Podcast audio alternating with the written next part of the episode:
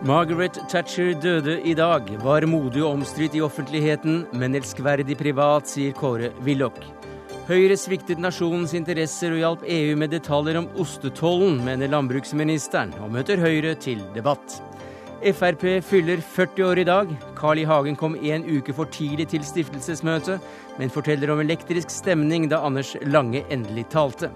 Og Radioteatret drukner i plapring og vanskjøttes av NRK, ifølge Aftenposten-kommentar. NRKs kulturredaktør svarer i Dagsnytt 18.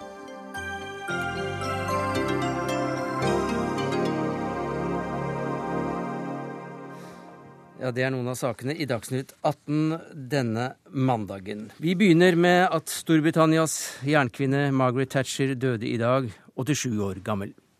Mr. Chairman, Mr. President, ladies and gentlemen, I stand before you tonight, the Iron Lady of the Western world. Jernkvinnen Kåre Willoch, du var statsminister samtidig med Margaret Thatcher.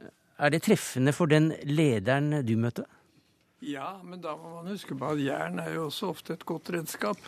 Hun hadde en usedvanlig viljestyrke, handlekraft og mot, men det var jo akkurat det Storbritannia trengte på den tiden. For de var i nedgang, både økonomisk og politisk. Økonomisk pga. at de hadde for store offentlige utgifter, og fordi deres fagbevegelse hadde skeiet ut i en uansvarlighet. Så er blitt noe helt annet enn den fagbevegelsen vi kjenner i Norge og f.eks. i Tyskland. Så problemene var store, og det trengtes en jernkvinne til å løse dem, og hun løste dem. Men det de, mennesket du traff altså Du var jo i Downing Street, du satt der og drakk te, men du møtte henne flere ganger. Hva slags Ja, mer Mer, enn te? Var det te med noe godt i? Vel, jeg skal ikke gå nærmere inn på det, men, eh, men det, er et viktig poeng at eh, denne veldig kraften, viljestyrken, hardheten i argumentasjonen, det var noe helt annet enn man kunne møte privat. For det var klart hun var et elskverdig, vinnende menneske privat. Og det var jo en forutsetning for at hun kunne få den sterke posisjonen i sitt parti som hun fikk. Partifellene skjønte at hun var den typen som Storbritannia trengte akkurat da, og hun vant slik tilslutning at hun ble og ble valgt og ble Storbritannias første og samtidig svært vellykkede statsminister kvinnelig. Ole Kristen Harborg, du var NRKs London-korrespondent i fire av de årene som eh, jernkvinnen regjerte. Du, du var der fra 79 til 1983. Intervjuet henne flere ganger. Eh, Hvordan var hun å, å intervjue? Jo, det var eh, en stor opplevelse, det. Du merket jo godt at du hadde foran deg et menneske som visste hva hun ville, som sto for noe. Hun ut, merket at hun hadde autoritet. Hun eh, svarte klart og tydelig og greit, vek ikke unna. Men eh, hvis det var noe hun ikke var fornøyd med, så sa hun heller eh, at eh, spørsmålene var feil stilt. Hun rettet på feilene på spørsmålene. På mange måter var det omtrent som å intervjue Kåre Willoch. Du intervjuet, intervjuet henne bl.a. etter Falklandskrigen. Ja. Hvordan var det? Det var ganske spesielt, for det var egentlig det eneste store intervjuet hun ga like etter Falklandskrigen. Eh, hun valgte da ut The Scandinavian Broadcasting, som det het, en samsending mellom Norge, Sverige og Danmark. Hvorfor hun gjorde det, aner jeg ikke. Eh, men hun hadde jo egentlig lett match da, for da var hun jo veldig, veldig høyt oppe pga. resultatene av Falklandskrigen. Hun skåret jo stort på det. Du har vært opptatt også av eh, hva slags, eh, hva slags bakgrunn hun, hun kom fra. Var jernkvinnen en som var født med sølvskje i munnen? ikke med sølvskje. Men hun har en bakgrunn som forklarer hvorfor hun ble jernkvinnen. Hun er oppvokst i ikke fattige vilkår på noen som helst måte, men som, som datter av en kolonialhandler i en liten by som het Grantham. Faren var en betydelig lokalpolitiker, og han ville ha henne frem, og hun ville frem. De, hun bodde i annen etasje over hjørnesjappa som faren drev, og jeg tror hun må være den eneste konservative leder som har vokst opp med et utedo. Men eh, hun hadde også Den veien for å komme til topps i England bygger jo veldig mye på skolegangen. Eh, konservative ledere og andre ledere har veldig Eton Harrow for å komme til Oxford. Margaret Thatcher gikk på den lokale skolen der i Grantham. Men med en gang du kom inn der, så så det oppunder taket der, så sto det navnet på elever som hadde utmerket seg, og der sto det Margaret Roberts. Og rektor henta fram, henta fram avgangskarakteren hennes, og ikke bare karakterene, men en sånn skriftlig vurdering av henne. Og det pekte rett fram til jernladyen og til statsministeren. Ja, hva sto det? Jeg husker ikke akkurat det var, men det var et viljestyrke, intelligens naturligvis, og arbeidsomhet. Og dette gjorde jo at Margaret Thatcher klarte å komme seg inn på Oxford, som ikke var noe lett løp i den tiden der. Hun måtte ta privatundervisning i latin, for det hadde ikke den lokale skolen på Grantham. Det var et uh, must. Et must. Siv Jensen, leder av Fremskrittspartiet. Du traff henne også, det er en, uh, ikke mer enn en tre-fire år siden. Hvordan var det? Hun hadde jo fortsatt en eh, aura rundt seg og en sterk personlighet, men det er klart hun var jo ikke sitt gamle jeg da jeg hadde gleden av å møte henne. Da var hun jo betydelig svekket, syk. Men likevel nok i stand til å kunne være ute og møte allmennheten. Dette var jo en, eh, en, et arrangement i regi av den britiske skattebetalforeningen som jeg var invitert til. Eh, for meg var det et stort øyeblikk bare å få møte henne, fordi jeg har alltid sett opp til henne av politiske årsaker, og ikke minst det at hun, som også Willoch sier, sto så stødig i de stormene hun sto i. Og det er jo et eh, karaktertrekk som jeg verdsetter veldig høyt. Du fikk gåsehud da du møtte henne, har du sagt? Mm. Ja. Eh, det er jo noe med å møte mennesker som har spilt en så stor rolle. Hun spilte jo ja en veldig viktig rolle for britene og britisk økonomi og britisk politikk, men jammen meg også i verdenshistorien. Eh, hennes eh, medvirkning til kommunismens fall, det mener jeg står seg i historisk sammenheng. Det er viktig, og ikke minst for mange millioner mennesker i ettertid, som nyter godt av det. Eh, og alle de reformene hun gjennomførte med forferdelig motstand i egne rekker eller i eget land. Men hvor de hardeste kritikerne, da gjerne fra opposisjonen, fra sosialistene i Storbritannia, ikke løftet en finger for å reversere de reformene i ettertid. Snarere tvert imot så står de der enda. Og det er jo et tegn på at mye av det hun gjorde, var bra. Øyvind Brattberg, du er Storbritannia-ekspert. Du er postdoktorstipendiat ved statsvitenskap eh, i, i, Oslo. Eh, nå har vi hørt veldig mye godord om henne, men hun var jo da eh, veldig omstridt, og det er mange som mener at hun også gjorde fryktelig mye galt. Hva er det de sikter til? I noen tilfeller så kan det være hensiktsmessig å trekke et skille mellom målrettethet og, og dømmekraft. Det vil si at Margaret Thatcher var alltid målrettet, men det var ikke alltid at dømmekraften var, eh, var like god. I hvert fall ikke fra et skandinavisk perspektiv. Det tror jeg Noe av det viktigste vi skal merke oss, er at, at eh, hos oss er vi vant til at lederskap eh, forutsetter kompromisskunst, evnen til å bygge koalisjoner, konsensus og trekke en hel nasjon med seg.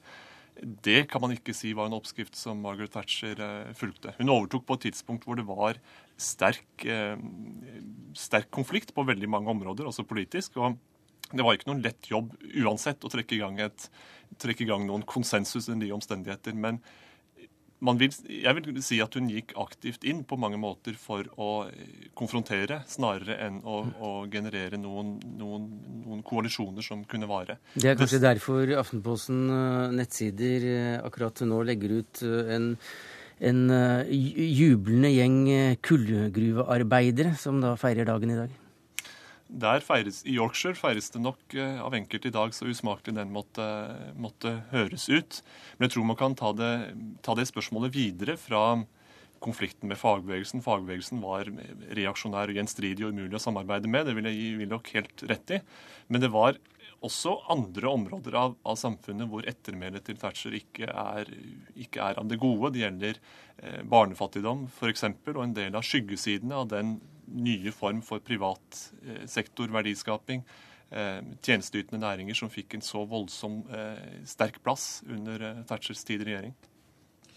Ja, det er jo riktig at man kan si hennes forhold til partiet faller jo i flere faser. I den første delen av hennes regjeringstid så så jo alle partifeller behovet for en kraftig opprydning som berget Storbritannias økonomi og styrket deres rolle internasjonalt. Men det er jo også verdt å merke seg at uh, hun ble jo kastet av sine egne. Hvorfor ble hun det? Fordi eh, de mente etter hvert at hun søkte for lite råd og var for lite villig til å justere seg til en ny situasjon. Forholdet var jo at eh, den vanskeligste oppgaven, nemlig å snu økonomien til ny fremgang, var jo løst. Og det var da flere som mente at kanskje tiden var inne for nye krefter. Men jeg vil veldig sterkt understreke det betyr ikke noen nedvurdering av det hun hadde gjort og oppnådd. Det betød at partifellene kom til at det var kommet en ny situasjon. Alt har sin tid, og det var på tide å slippe nye krefter til. Men når vi nå skal studere ettermælet, så må ikke det komme i veien for en positiv, riktig vurdering av den innsats hun gjorde for å snu Storbritannias nedgang til oppgang. Og det gjelder altså både økonomi og politikk. Og når det er tale om verdenspolitikken, så har jeg lyst til å legge til dette som her er sagt om Falklandsøyene, som gjør for seg riktignok. Han skal ikke nedvurdere den fantastisk vellykkede overgang at Hongkong ble overført til Kina på en så vellykket måte.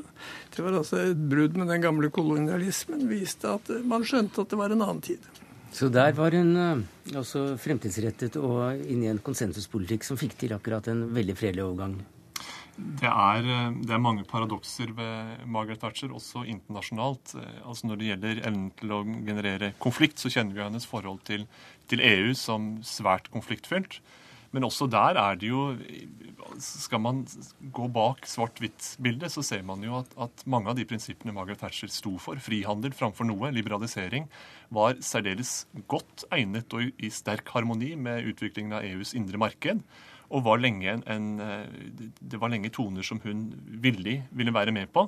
Det var ved Maastricht-traktatens eh, ankomst, eh, de nye overnasjonale institusjonene, den type føderalisme, at det virkelig svartnet for, for Thatcher. Ja, for, du, for du, du, siterer henne i den nye boka som du kom med denne uka, at hun, hun, mener at veldig mye av de problemene som har oppstått i hennes levetid osv., hva var det hun sa? Det er vel hentet fra hennes memoarer at uh, i hennes levetid alt av uh, problemer har blitt generert av Europa selv, mens løsningene har kommet utenfra. Og det er veldig i tråd med hennes syn på hvordan europeisk økonomi kunne komme seg ut av bakevja. Og det var ikke bare Europa, men det var også kontinental-Europa, og ikke nødvendigvis ja, øyene? Kontinentaleuropa, og, og tufta på et enkelt prinsipp, og, prinsipp om at antisosialisme og, og en, et friere marked og en friere verden bringer økonomien frem. Og Det er jo budskap som, som er i tråd med andre her i rommet. Ja, nettopp. Siv Jensen, hvordan føres eh, hennes tanker og hennes ånd videre f.eks. i et parti som ditt? Grunnleggende sett så er jo Fremskrittspartiet veldig enig i behovet for å ta vare på markedsøkonomien og prinsippene for den. Og det er klart den har jo blitt utsatt for noen prøvelser de siste årene med urolige økonomiske situasjoner i mange deler av verden. Eh, så er det jo noen som har tatt ordet for å gjenopplive døde isber, som på ingen måte bør få lov å komme tilbake. Det er foreløpig ikke kommet et bedre system enn kapitalismen. Thatcherismen? Jo, men, men, husk på mye av det hun gjorde handlet jo om å bryte ned monopoler. Skape mer mangfold, mer konkurranse. Og hvem har det tjent? Det har tjent den jevne borger, den jevne innbygger, fordi det gir oss mer valgmulighet, det gir oss mer makt som forbrukere. Eh, og mye av det har det jo vært viktig også å gjennomføre i Norge og andre land, rett og slett fordi det bringer verden fremover og gir innbyggerne mer makt over eget liv. Og det er jo tankegods Fremskrittspartiet deler fullt og helt. Så tror jeg man gjennom Thatchers virketid alltid vil klare å finne noe man er rykende uenig med henne i. Men jeg må jo si at det er ikke nødvendigvis noe dårlig egenskap hos en leder å ikke alltid ville kompromisse. Mm. Eh, kompromisser betyr jo i sin form at man vanner ut eh, et opprinnelig godt tenkt budskap til noe som kanskje ikke er helt gjenkjennelig. I mange sammenhenger er kompromisser bra, i andre sammenhenger må man faktisk være tøff. Gjennomføre krevende reformer ta den kjeften man får der og da. Og så har jo hennes reformer vist at de ble svært vellykkede og har høstet mye anerkjennelse i ettertid. Også fra dem som var rykende uenige med henne. I dag er partiet ditt 40 år. Gratulerer med dagen, takk, takk. Siv Jensen. Du skal komme tilbake til Dagsnytt 18 om ti minutter sammen med Carl I. Hagen. Kåre Willoch, takk for at du kom. Norges statsminister fra 1981 til 1986. Ole Kristen Harborg, NRKs London-korrespondent fra 1979 til 1983. Øyvind Bratberg, fremdeles Storbritannia-ekspert og postdoktor i statsvitenskap ved Universitetet i Oslo. Hør Dagsnytt 18 når du vil, på nettradio eller som podkast nrk.no dagsnytt 18.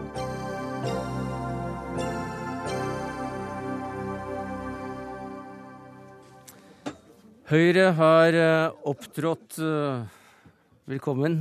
Her var det mye håndtrykk som skulle gjennomføres før vi får inn Nikolai Astrup fra Høyre og Trygve Slagsvold Vedum fra Senterpartiet. Det jeg var i ferd med å si, som jeg gjerne ville at dere skulle høre, det var at Høyre har opptrådt nasjonalt illojalt, uttalte da landbruksminister Trygve Slagsvold Vedum på Senterpartiets landsmøte i helgen. Bakgrunnen er den berømte ostetollen, som landbruksministeren mener ble kjent for EU fordi Høyre fòret Den europeiske union med informasjon. Og landbruksminister Vedum, du måtte jo da tåle kritikk fra EU for å ha lagt toll på utvalgte oster. Hvorfor bebreider du norske Høyre for det? Jeg mener at norske politikere skal stå opp for norske interesser. Eh, og Høyre har brukt enhver anledning til å snakke norske interesser ned i denne saken her. Vært mer opptatt av eh, danske bønder, dansk industri, enn av norske bønder og norsk industri. Eh, jeg mener at det er en regjeringsoppgave, et stortingsoppgave, å forsvare de vedtak vi har eh, fatta. Og at det er også en norsk tradisjon at vi har debatter, diskusjoner, men når vi først har fatta vedtak, så står vi sammen om dem. Men hvordan har de snakket uh, Norge? F.eks. da utenrikskomiteen var i, i Brussel i februar, så benytter Høyres representanter taletiden til til å privatisere norsk ostetoll. Prøve å slå billige politiske poeng på at uh, regjeringa innfører denne uh, altså innfører noe vi har full rett til for å ta vare på norsk landbruk og norsk matproduksjon. I strid med det du sier er norske interesser? Ja, det er norske interesser. Det er i norske interesser å kunne ha, ha, mat i Norge, for det er mye mer krevende å produsere mat i Norge enn i andre, de fleste andre europeiske land. Og skal vi ha norsk matproduksjon, skal vi ha norsk landbruk, så er vi helt avhengig av et velfungerende og godt tollvern, og vi benytta det handlingsrommet vi hadde gjennom de avtaler vi har med EU. Nikolai Astrup, stortingsrepresentant for partiet som altså er nasjonalt illojalt. Jeg syns det er ganske spesielt å høre at eh, vi ikke er opptatt av nasjonale interesser. Fra en statsråd fra Senterpartiet som akkurat har kommet tilbake fra landsmøtet, der de har vedtatt eh, å si opp EØS-avtalen og si opp Schengen-avtalen. Eh, som jo Europautvalget har vært, Men det er litt veldig klar Men forhold, forhold deg til denne saken som også dreier seg om ostetoll. Ja, for det første så tror jeg nok at eh, Slagsvold Vedum undervurderer EU-kommisjonen eh, ganske kraftig hvis han tror at de må få informasjon fra norske Høyre for å finne ut hva statsråden har gjort når han setter opp tollene med flere hundre prosent på ost og kjøtt. Eh, det tror jeg de finner ut helt selv. og eh, Høyres posisjon har vært kjent hele tiden. Eh, vi har ikke vært noen tilhengere av denne økningen fordi vi har vært redd for at EU skulle komme til å komme med reaksjoner på dette. Det har de nå gjort. Så det er ikke noe overraskelse for oss at EU har reagert på dette, når Norge ensidig øker tollsatsene med flere hundre prosent på noen utvalgte produkter. Det tar seg veldig dårlig ut, og er iallfall ikke med å sikre norske interesser. Eh, i eh, det brede perspektivet. Og Det som eh, Astrup her sier, er jo, er jo, feil. Altså EU har jo ikke kommet med noen reaksjoner på endringa av tollvernet. Det, det, det, er jo ikke noen handlinger, men de har sagt at de er uenig. Også, og Det er ikke så unaturlig at danske politikere er uenig i det. For de har et eksportrettet landbruk. Og En av grunnene for at Norge ikke ble medlem i EU i 94, var nettopp at det skulle føre en nasjonal landbrukspolitikk. Og det kan være motstridende interesser mellom norsk landbrukspolitikk og f.eks. EU, EUs landbrukspolitikk i forhold til eksport. Men de har ikke kommet med, noen reaksjoner annet enn at de har ytra motstand og sagt at de syns det er uklokt, at de ønsker det annerledes. Eh, men vi har forholdt oss helt og fullt til de avtalene og den friheten vi har. Og da burde Høyre ha fulgt uh, litt roligere med i svingene. Ja, altså, For du tviler på at en fransk politiker ville opptrådt likedan? Ja, det er helt selvfølgelig. Altså, hva tror du ville skjedd med en fransk politiker som hadde reist til, til Brussel og snakka ned, snakka ned fransk landbruk, snakka ned franske vinbønder og gjort alt den kunne for å undergrave legitimiteten til en viktig næring i landet. til en er det viktig næringsmiddelindustri i landet. Parallell? Det er, det, er, det, er, det er, nesten helt utrolig at ikke Høyre bruker tida si på å forsvare norske interesser. Hvis statsråden kan la meg få snakke, så hadde det vært en fordel. Ja, Det er veldig hyggelig å snakke. Ja, uh, nei, det er jo ikke det som er tilfellet overhodet. Vi har jo ikke gjort dette. Og uh, vi har ikke reist til Brussel med det formål å overbevise EU om noe som helst. Tvert imot. Ikke med det formål, men jo, gjorde dere det da dere var der nede? Jeg sitter ikke i den komiteen, så det kan jeg ikke svare for hva som ble sagt og gjort i møter jeg ikke har vært på. Men det jeg kan si er at når vi, opplysninger siden Høyre har valgt deg for å komme hit og, og svare for deg? Når vi blir spurt om hva eh, Høyre mener om denne saken, så har vi vært ærlige på hva vi mener om denne saken. Det skulle bare mangle at ikke opposisjonen har synspunkter på dette. Men det er altså, blir litt eh, spesielt når landbruksministeren forsøker å skyve skylden for en reaksjon, samlet reaksjon fra rådet, kommisjonen og parlamentet eh, på norsk politikk som statsråden selv har innført. Det er altså ikke opposisjonen som har gjort dette, det er statsråden som har påført Norge en reaksjon samlet fra disse tre instansene i EU. Det er veldig sjelden at noen klarer det, så det er i og for seg eh, til statsrådens ære at han har klart å få EU til å bli enig med seg selv. Men, eh, men, det er altså ikke vi som har fått til det, det er det statsråden selv som har gjort. Og det er han som setter nasjonale interesser i fare, ikke minst også med sitt syn på EØS og Schengen. Men nå må Astrup eh, velge sine ord. Jeg har ikke påført noen reaksjon, jeg har påført oss noen uttalelser. Uh, og Det er kjent sak at det kan være ulike interesser mellom, mellom, danske politikere og norske politikere. Og det er noen svenske EU-parlamentarikere også veldig tydelig. Men du forutsetter at ikke disse politikerne tenker selv. Du mener at det er Høyre som har reist rundt til Danmark og Sverige og Nederland men, og eh, fòret Et øyeblikk, det var Vedum som hadde ordet her. I parlamentet med synspunkter. Du ba om taletid i stad. Uh, og og en av de tingene, en av eksemplene av mange på Høyre-personers eh, opptreden er når Astrup sjøl var i, var i Brussel i februar. Og, og, Fjellner, da, Moderaternes eh, representant der, eh, måtte uttrykke stor glede for Høyres problematisering av det norske tollvedtaket. I hvert fall det i media i etterkant. Så det er ingen tvil om at Høyre har vært en sterk bidragsyter til å, å gire opp denne stemninga. Men vårt poeng, og regjeringa poeng, er at det, diskusjonen er skal vi ha et landbruk i Norge som bare vil ta toll. Og Det som er så forunderlig med Høyre, er bl.a. at eh, Erna Solberg, Jan Tore Sanner og Bent Høie alle har snakka om krisa i Sør-Europa. I samme mm. omgang som de snakker om den norske tollendringa. Mm. Akkurat sånn hadde det blitt noe bedre for arbeidsledig ungdom i Sør-Europa om vi hadde lagt ned norsk landbruk. Men Vedum, du betegner også Høyre som nasjonalt illojalt. Klassekampen i dag har overskriften 'Nasjonalt svik'. Hallo, altså vi snakker vel fortsatt om, om noe toll på noen oster? Ja, det var en, jeg, jeg har ikke brukt ordet svik. Nei, nei, men nasjonalt illojalt, da? Jeg mener det er illojalt mot en hel næring å bruke enhver anledning til å snakke den næringa ned. Uh, og sette landbruk opp mot fiskeri. Når man veit uh, at det er en egen avtale i forhold til landbruk, man veit at det er en egen avtale i forhold til fiskeri, at det er ikke noen grunn for å sette ulike næringer opp mot hverandre. Frp gikk jo så langt i Europautvalget at de også begynte å problematisere forhold til norsk gasseksport. Så jeg syns det er rart hvordan Høyre og Frp eh, prøver å slå mest mulig politisk mynt eh, mm. på den, eh, denne her saken og skape mest mulig uro. Og det rammer selvfølgelig de som jobber i næringa. Opposisjonen er i sin fulle rett til å mene hva opposisjonen vil om regjeringens politikk. Sånn er det i et levende demokrati. Vi har hele tiden sagt hva vi mener om, om denne, disse tolløkningene. Vi er ikke imot at vi skal ha et tollvern i Norge. Vi er ikke imot at vi skal verne norsk landbruk, men vi mener altså at det å øke, ensidig øke norske tollsatser med mange hundre prosent på, disse, eh, på ost og kjøtt, det mener vi er uklokt, fordi det sender et signal til Brussel, eh, til våre viktigste handelspartnere, som eh, potensielt kan sette norske arbeidsplasser i fare. Men er det, det, og Derfor det, så er det ikke vi som Nei. setter nasjonale interesser i fare. Nei, Det har, du fått, fått, fått fram eh, et par ganger, Astrup. Men altså, er denne ostetollen virkelig så viktig at, eh, at eh, det får Svein Flåtten, næringspolitisk talsmann i Høyre, til å si til Dagens Næringsliv at omleggingen av ostetollen det blir det første Høyre vil endre før de får av seg frakken?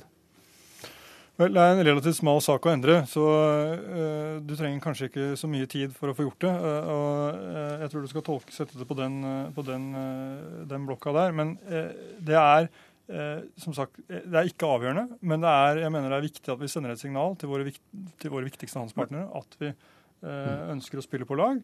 Eh, og da er bl.a.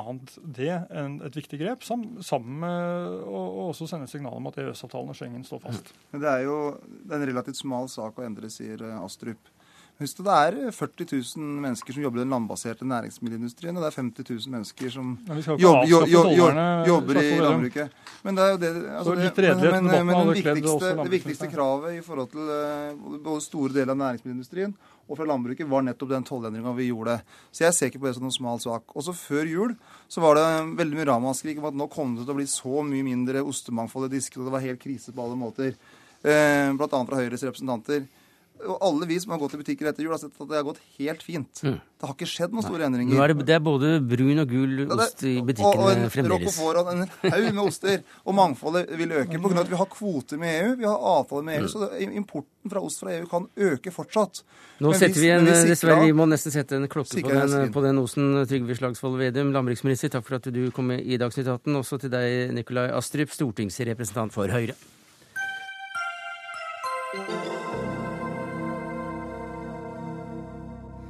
Ja, igjen gratulerer med dagen, Siv Jensen. Tusen takk. Og Carl I. Hagen.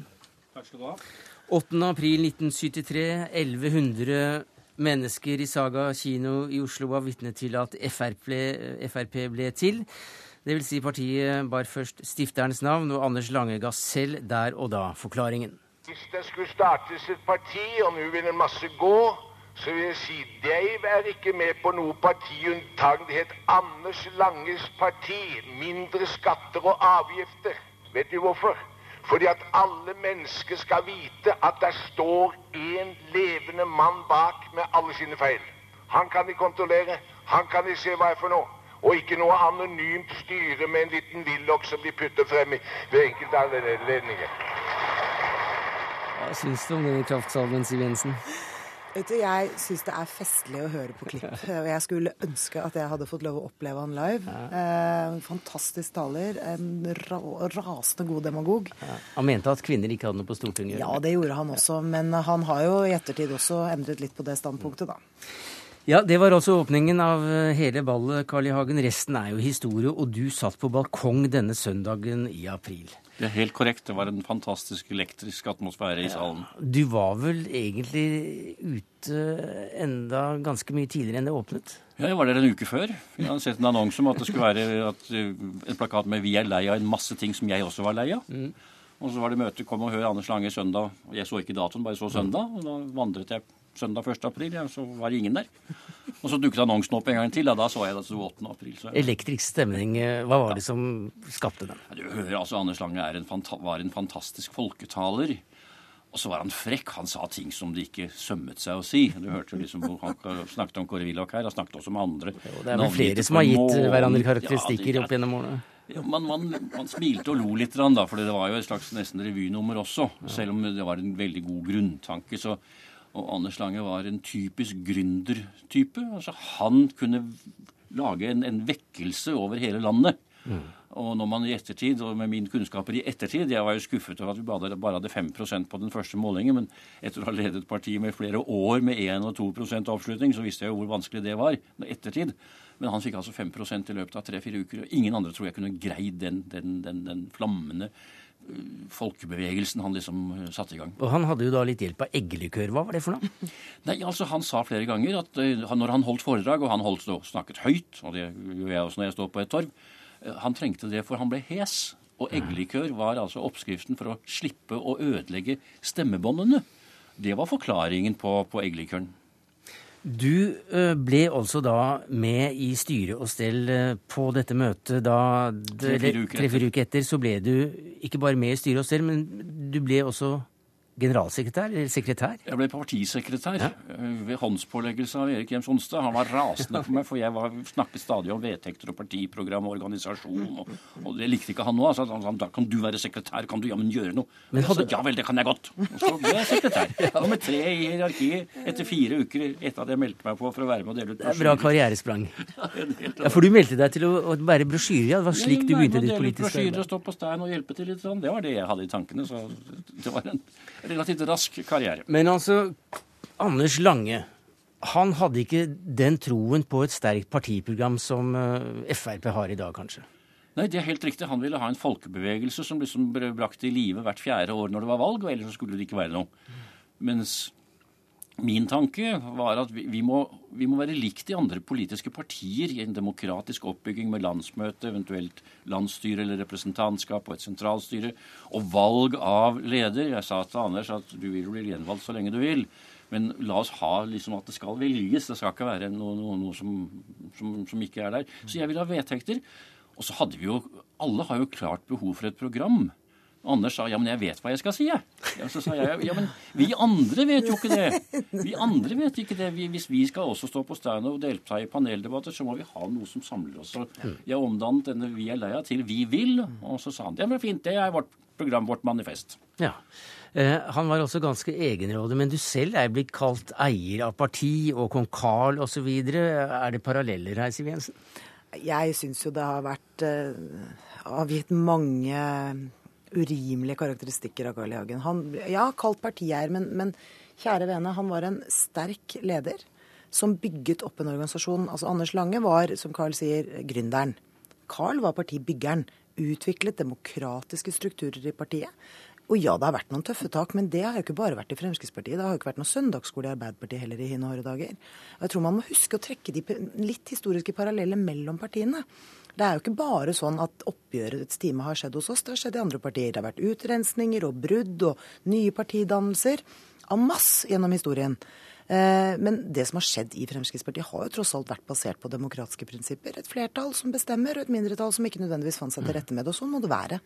Carl I. Hagen, da du tok over, eh, og du var vel da partileder i 28 år 28 år. Ja, Det må da være en, en rekord. Eh, hva var det viktigste for deg også å få forandret på?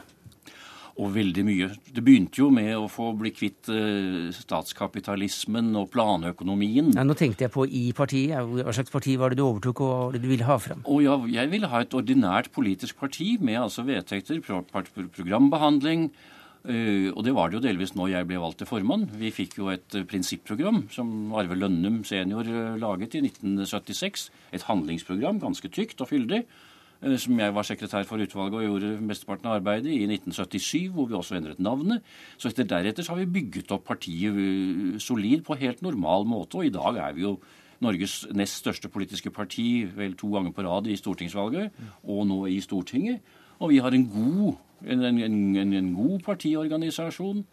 Vi har bygget den opp med solid og masse kursing osv. etter at la oss si, Geir Moe var sekretær, generalsekretær i 15 år. Vi gjorde en formidabel jobb for å få til orden i partiet. Men i dag så har du fortalt om at det jo har kostet, og at du, du balanserte på en smal sti mellom to, to, grøfter. Og da siktet du selv til partiopprensningene, den ene da i 1994. Hva slags grøft var det man kunne havne i den gangen?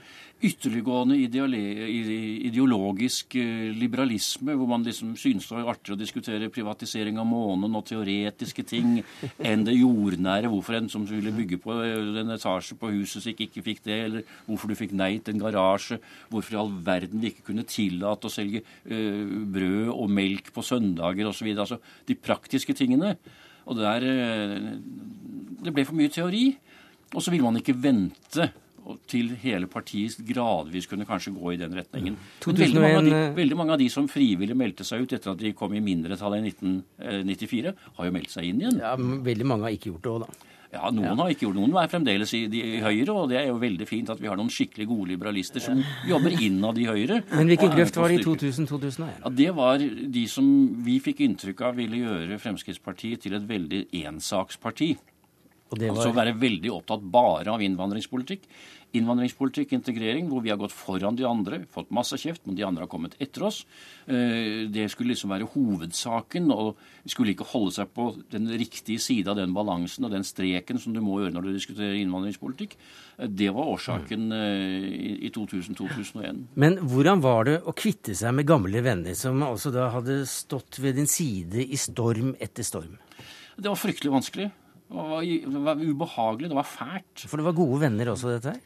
Ja, Det var folk jeg hadde jobbet nært sammen med i veldig mange år. I begge disse to. Ja. Altså, De unge liberalister var jo liksom mine folk. De jeg satset på og håpet skulle overta. Vara, Skjervingen etc. etc. Ja, Vara, Skjervingen, Fåne, mm. Bjørheim, eh, flere. Jan Arild Snoen. Mm. Men så var det den siste grupperingen av Vidar Kleppe, Øystein Hedstrøm, Jan Simonsen etc. Ja, Øystein Hedstrøm ble jo med videre, videre, og ble gjenvalgt og gjorde en glimrende jobb som næringspolitisk talsmann for Fremskrittspartiet fra 2001 til 2005. Men falt i unåde, han? Ja, Nei, han, han falt ikke unåde. Han var med. Så her må vi passe på ja, at ikke ikke på. folk i gale båser. Ja. Vel, ja, det er helt riktig. Jeg kjente jo også Jan Simonsen og Vidar Kleppe. Begge hadde vært nestledere. Det er ikke noe men det er som Siv sier, altså Fremskrittspartiet var heller ikke noe søndagsskole. Og når, når det massive flertallet i realiteten krevde at nå orket ikke å bli stilt spørsmål over hele landet mm. for å kommentere de siste utspillene fra noen av disse, eh, da var det nødvendig å, sette skapet på plass, og det gjorde vi, og det er nødvendig av og til. Siv Jensen, hvordan er disse brytningene i dag i partiet? Nå er det jo et uh, parti i en helt annen fase. Vi har vært gjennom barnesykdommer og pubertetsproblemer. Og... Men det må være brytninger i dag òg for at det skal være et levende parti? Jo, men det er noe ganske annet. Det at et parti har debatt, det skulle jo bare mangle. Og jeg inviterer jo til debatt i partiet hele tiden, for jeg mener at det er måten å utvikle eh, politikk på. Det er å tørre å utfordre seg selv. Tørre å se på om man har grodd fast i gamle standpunkter, eller om det er på tide å fornye. Og de debattene har vi hele tiden. Men vi har en grunnleggende respekt for flertallsbeslutninger, og vi finner frem til gode løsninger. og Sånn sett så er det et voksent parti som, som har ambisjoner om å lykkes godt i de neste 40 årene. I dag så er dere vel forlikte, men det er jo ingen hemmelighet at det har stormet også mellom dere og sist da Siv Jensen ikke lot deg komme inn i Nobelkomiteen. Carl I. Hagen, i november 2011 så la du det brevet med disse 16 punktene ut eh, for det åpne publikum, der du altså kritiserte partiledelsen ganske kraftig. Eh, det er altså hun som tok over etter deg, som har knust din store drøm om å bli medlem av Nobelkomiteen. Hva syns du om det? Den saken har jeg faktisk lagt bak meg. Du refererer til noe som skjedde for en god stund siden, og som ikke var noe særlig hyggelig for noen av oss, tror jeg. Eh, men det er nå en eh, historie som er tilbakelagt.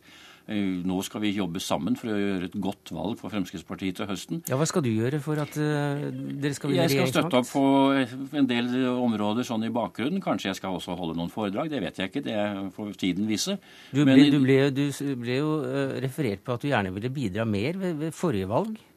Det er helt korrekt, og det gjorde jeg jo også. Det var valget før der jeg var skuffet over at jeg ikke var blitt møtt. Men det er klart, vi er begge sterke personligheter og sterke meninger. Og eh, det er ikke unormalt at det blir eh, av og til noen gnisninger. Så spørs om man greier å, å, å, finne en løsning på det.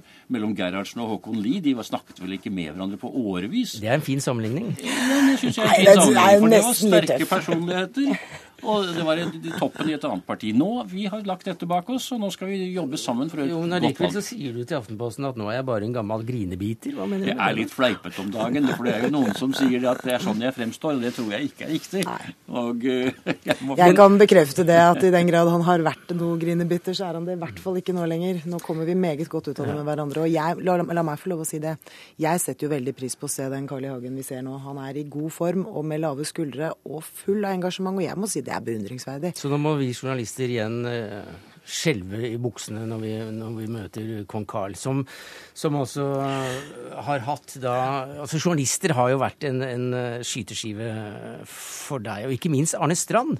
Han fikk også sitt pass påskrevet under festlighetene i Saga kino, den samme, samme Saga kino, i dag da dere hadde jubileumsmøte. Vær så god, sitt, sett deg ned, Arne Strand. Hva, hva, er det med, med, med, dette som har, med Arne Strand som liksom har gjort at han blir fremhevet som uh... Nei, der tror jeg du misforstår litt, i hvert fall fra min side. Arne Strand er jo en av de som har fulgt uh, Fremskrittspartiet og meg hele tiden. Og uh, han har skrevet positive ting. Også har han i sine analytiske artikler av og til vært fnysende og negativ og greier. Og det er jo hans jobb. Og det respekterer jeg. Og så har det vært tider hvor liksom jeg ønsker å senke troverdigheten til en journalist, og det vet jo Arne utmerket godt. Og da har jeg alltid påpekt at han var statssekretær for Gro Harlem Brundtland, og altså koffertbærer og arbeiderpartimann, så ta den kritikken han kommer med, med en klype salt. Og når han skryter, så sier jeg jo ingenting om at han har vært statssekretær for Gro. Han var altså invitert som gjest hos oss i dag, og ikke som journalist, da, fordi han nettopp har fulgt Fremskrittspartiet gjennom så mange år. Men eh, da skal vi eh, gjøre noe som eh, antagelig dere vil si at det er helt typisk, nemlig da at Arne Strand skal få kommentere FrPs 40 år. Takk skal dere ha som tidligere partileder og nåværende partileder Siv Jensen og Carl I. Hagen. For Arne Strand, redakt, sjefredaktør i Dagsavisen. Hva slags parti var det som da så dagens lys for 40 år siden? Ja, Det var ikke noe parti. Det var en uh, protest, en protestbølge, som Anders Lange forsøkte å omgjøre til et, uh, noe som skulle minne om et politisk parti. Men han lyktes ikke med det. Han ville ikke ha noe parti, egentlig. Og som vi hørte Carl I. Hagen også si her i sted, så, så var det protesten som han var opptatt av. Og jeg tror at Anders Lange ble like overrasket som alle oss andre at partiet hans fikk 5% ved stortingsvalget i 73, og at han kom inn på Stortinget sammen med eh, fire andre. Hadde ikke, Karl, hadde ikke Anders Lange dødd året etter, så tror jeg hele bevegelsen hans hadde dødd ut i løpet av, av eh, fireårsperioden.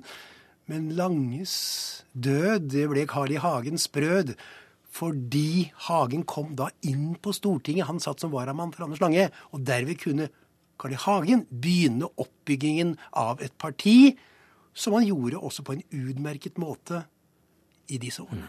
Og i dag så er det altså 40-årsjubileum, og det, som vi hørte, så ble det også feiret i Saga kino. Og der eh, var du politisk redaktør i Dagbladet, Marie Simonsen. Hva slags historie, partihistorie var det Frp fortalte om seg selv?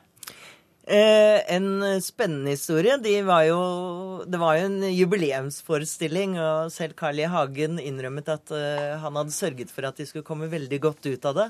Så, eh, så, her var det trukket frem uh, at Frp er et parti som har forandret norsk politikk i stor grad.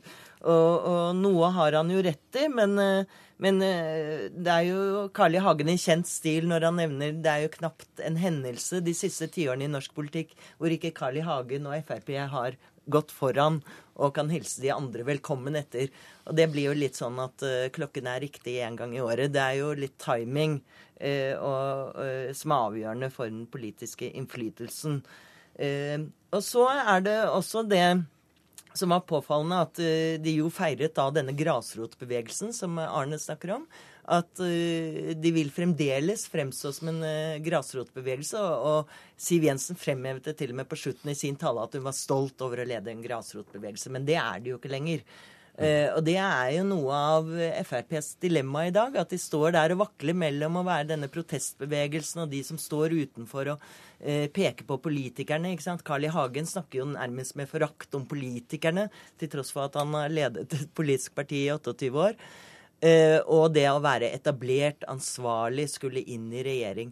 Og dette er jo gnisninger som man ser stadig i dag, og som man så man, ja, Det var vel senest et år siden man hadde et lite oppgjør mot det, hvor det var litt sånn at uh, nå måtte man begynne å snakke litt rett fra levra igjen. Mm. Men uh, denne gnisningen, eller denne spenningen i partiet, de som da søker regjeringsmakt, og, og de som da er mer grasrotopprørere uh, Nå så finjusteres jo partiet inn mot regjeringsmakt. Og hva i all verden vil skje med partiet da? Hadde Anders Lange levd i dag, så hadde han ikke kjent sitt parti igjen overhodet. Ikke særlig ikke fordi han jo mente, han sa det i et intervju med meg i 1973, at kvinner, i, kvinner har ingenting å gjøre i politikken. I dag ledes partiet av en kvinne. Nei, det går ikke an å sammenligne dagens Fremskrittsparti med Anders Langes parti i, i, sin tid. I dag er Fremskrittspartiet blitt som de andre partiene. Selv ikke under Carl I. Hagen på 80- og 90-tallet var det meningen at Fremskrittspartiet skulle bli som andre. Carl I. Hagen gjorde nettopp et poeng ut av det, han. At vi er ikke vanlige politikere. Vi er ikke eh, stortingspolitikere slik som alle de andre kjedelige. Nå er Fremskrittspartiet blitt det. Da Siv Jensen ble leder i 2006, så fikk hun som mål og oppgave å lede partiet inn i regjering. Og hun klarte det nesten ved forrige stortingsvalg. Hun klarer antagelig nå underveis har Fremskrittspartiet mistet mange velgere.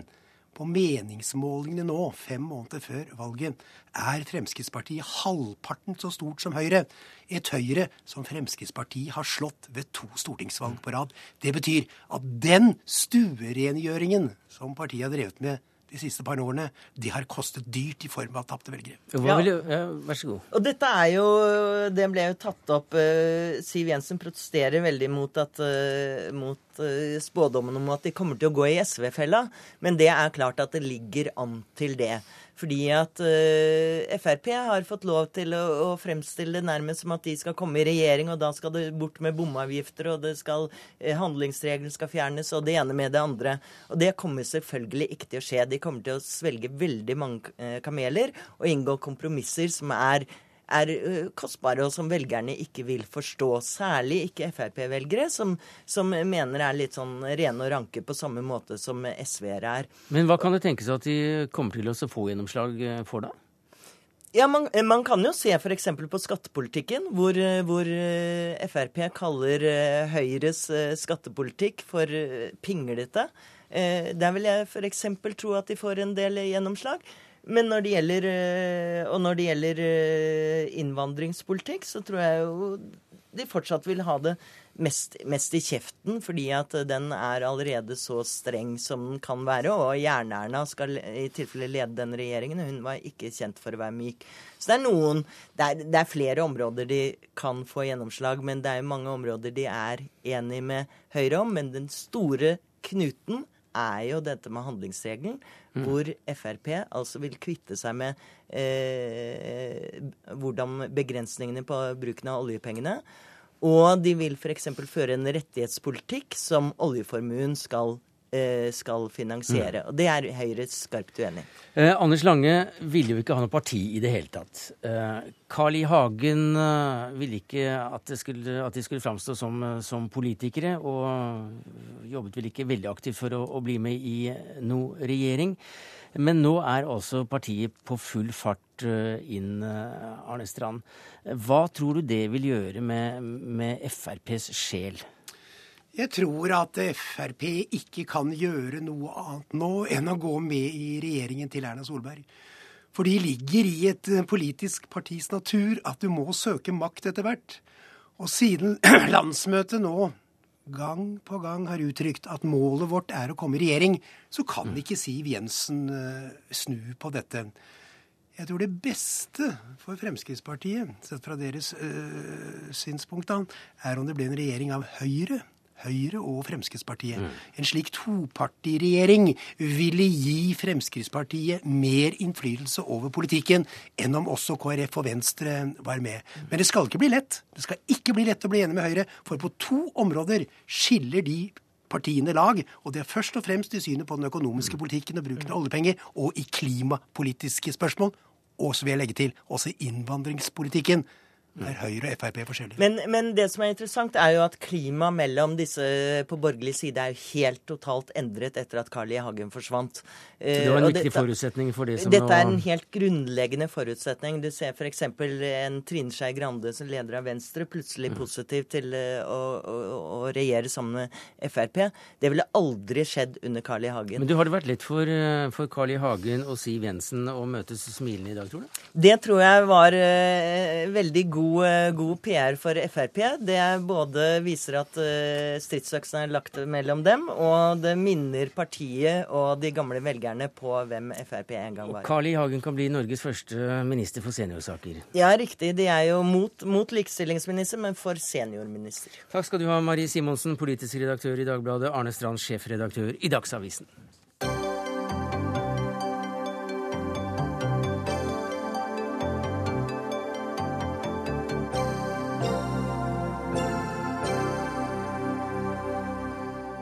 Ja, så ble det ikke streik likevel. I alle fall ikke denne uka. For etter lange forhandlinger ble partene i private bedrifter i YS, LO og NHO enige klokka tre natt til i dag. Og da partene kom ut i nattens eh, mulm og mørke, kunne de fortelle at jo da, de hadde blitt enige om å gi 75 øre i timen som et generelt lønnstillegg.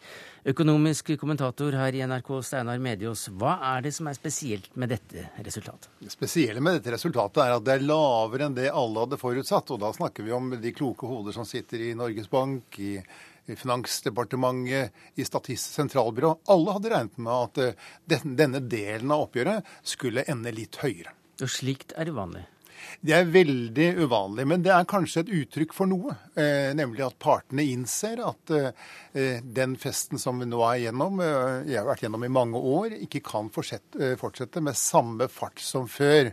Fordi det er kanskje et lite signal om at det er ikke så bra med norsk økonomi. Eh, hvis man ser på den som er utenfor oljevirksomheten, det er ikke like bra der som man kunne ønske seg. Ja, For Europa har stoppet? Europa har stoppet. og, eh, og, og samtidig så går altså eh, denne oljemaskinen i, her i nord, i Norge, går for fullt. Så, men hvis vi ser på lønnsutviklingen i fjor, som var 4,5% husker vi. Men det som likevel var et problem på toppen av dette, er at norske kronen styrket seg omtrent like mye som lønnsoppgjøret. Så konkurransekraften i Norge har dalt eh, veldig mye bare i løpet av et år. Men dette har ikke pågått bare ett år, det har pågått over lang, lang tid. Så veldig mye virksomhet lønner seg ikke i Norge lenger. Men det første tegnet på at eh, tingene var i ferd med å snu, det fikk vi før jul. Ja, vi gjorde egentlig det, fordi da sank julehandelen. Eh, for første gang på 30 år så gikk den altså ned eh, når det gjaldt omsetning, til tross for at eh, det hadde fosset inn eh, nye landsmenn over grensene hele det året. En innvandring som var både stor når det gjaldt arbeidsinnvandring og annen type innvandring. Så synker julehandelen, og det er et lite signal. Og det var noe man ikke hadde tatt høyde for, for man trodde jo at den skulle øke. Ja, man tror at det skal øke. Og i dag så fikk vi også et oppgjør som var lavere enn det alle alle ekspertene trodde. Og det er ifølge økonomen vi har snakket med, første gang. Det er første gang. Og da er det spørsmål står vi nå ved et slags ja. vendepunkt. Er det et godt signal eller et dårlig signal? Jeg vil si at det er et ganske dårlig signal hvis ting får lov til å fortsette som det nå har gjort. Det er veldig få som tør å trykke på bremsen når det gjelder oljeaktivitet eh, i Norge. Oljeaktivitetene tar større og større plass i den norske økonomien og er med på å presse lønningene oppover og oppover til et nivå som veldig få kan henge med på. Altså godt under 4 eh, Hvordan går det med, med lønnsforhandlingene nå framover?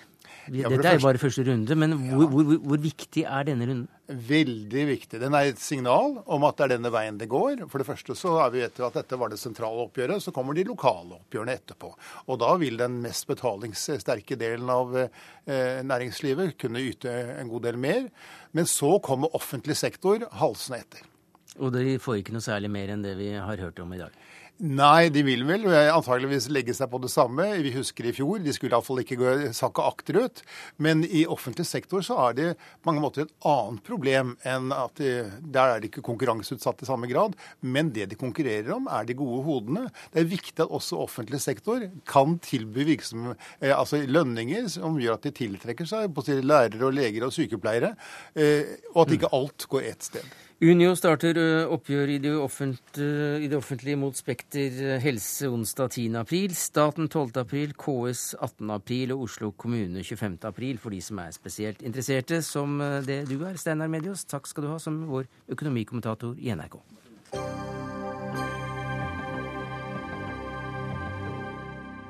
Så til landets største teaterscene. Teatret er i ferd med å drukne i plapring. Ja, det skriver du, Sturle Skjolds Nerød. Du er journalist i Aftenposten. Hva får deg til å skrive det? Eh, det som er eh, det vesentlige her, er at radio, det er to ting. Det ene er at Radioteatret faktisk er Norges største scene med en ukentlig oppslutning på over en halv million. Hva får alle disse lytterne nå? Jo, på søndager så får de altså opplesning av en roman. Og ut året på P1-teatret så er det utelukkende repriser. Og jeg syns at, at det, er direkte trist og dessuten skammelig at NRK kan behandle sin eldste kulturinstitusjon så dårlig som, som, dette. Altså Tilbudet er nesten borte. Jeg skrev i, eller jeg stilte et spørsmål i en kommentar i Aftenposten i går.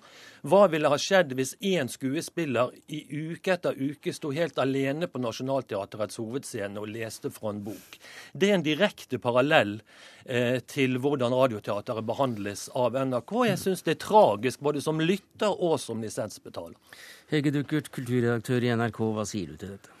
Nei, Først og fremst så vil jeg jo berømme Sturle Skjold Nære for hans engasjement for Radioteatret. Ja. Men hva sier du til denne kritikken? Eh, jo, nei, Jeg sier at den ikke er riktig. Mm.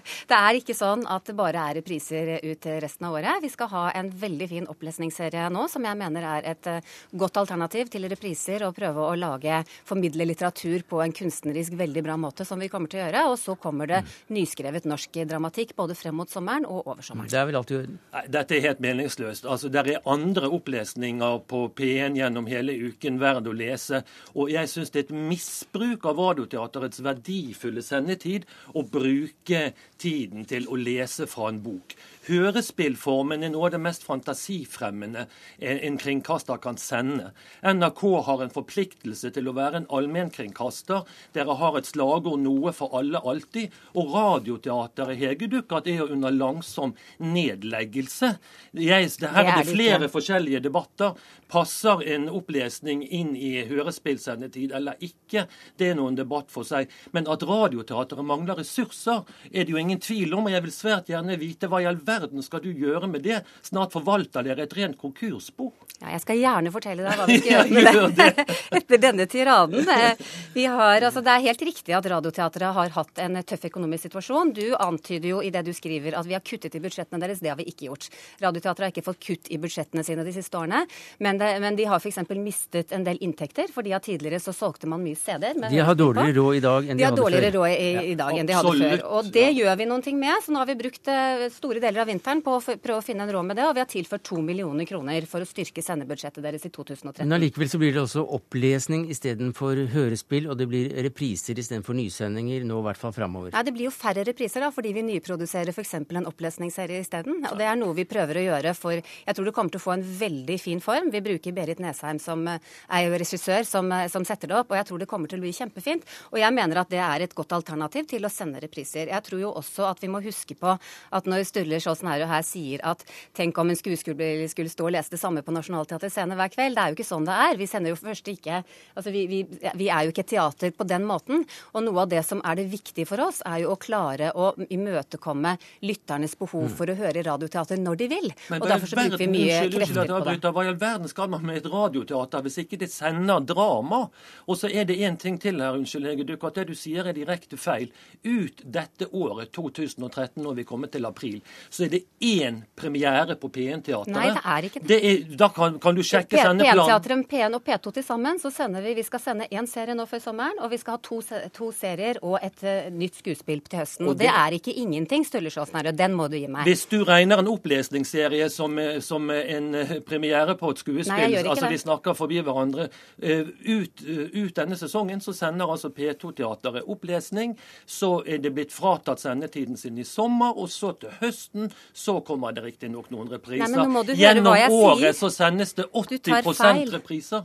Men du tar feil. Vi skal sende ny norsk dramatikk etter opplesningsserien Men er det riktig at det i løpet av året så sendes det 80% repriser? Det har vært gjort det i perioder, og det har vært et stort problem. Mm. Og det er jo Men ikke en hvorfor gjøres det? som vi ønsker. Gjøres det pga.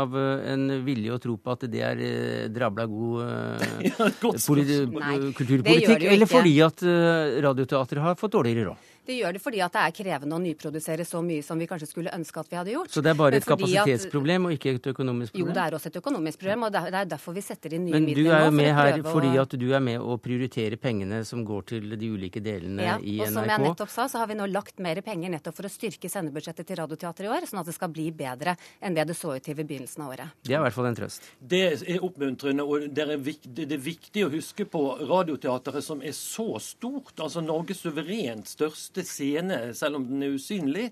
Og når hørte man sist at fjernsynsunderholdningen manglet penger? Når manglet NRK-sporten penger? Unnskyld meg, det stakkars Radioteatret har dere eh, ste, vært stemoderlig behandlet i årevis, og som programlederen helt riktig påpeker, det har vært budsjettnedgang i årevis i praksis. Og når hørte man sist at TV-drama hadde dårlig råd? Radioteatret har dere behandlet veldig dårlig, men du mener at nå skal dere styrke det? Ja, og det er ikke helt riktig den beskrivelsen du gir. En av de tingene som har, har styrket radio, radiodrama, er jo også at man har overført penger fra TV-drama. Men jeg tror jo at det som er, må være viktig nå, er jo å holde fokus på hva som skjer fremover. Og det ser, altså, Mm. det ser ganske bra ut i forhold til år, og vi skal ha mye ny norsk dramatikk, og det mener jeg virkelig er et løft. Men er det ikke, og kan det ikke også være riktig at, eh, at det skjæres ned? da? Altså Det er nye tider, det er kanskje ikke så mange lyttere som hører på lenger som det var før. og man må, ja, man må innrette seg litt etter forholdene. Jeg mener at, at NRK altså Vi er veldig uenige, kultursjefen og meg, fordi jeg mener at opplesning ikke har noe i den sendetiden å gjøre. Som sagt, det er en Mm. diskusjon for seg. Jeg mener at hørespill er en svært verdifull form for kultur som NRK har en forpliktelse til å ta vare på. Og Hvis ikke det nå blir en grunnleggende bedring for Radioteatret, så kan man jo like gjerne legge det ned. For man må innse at å skape radiodrama av, høyt, av høy kvalitet, det koster penger. Dette er i hvert fall et drama vi kommer til å følge med på. Men eh, nå går teppet ned for denne debatten. Takk skal du ha, Sulle Schjølsen. Journalist i Aftenposten, Hege Duckert, kulturredaktør i NRK. For det, det vi rakk i Dagsnytt 18 denne mandagen. Ansvarlig for det hele var Siri Storstein Hytten. Det tekniske ansvaret hadde Karl Johan Rimstad. Jeg heter Sverre Tom Radøy.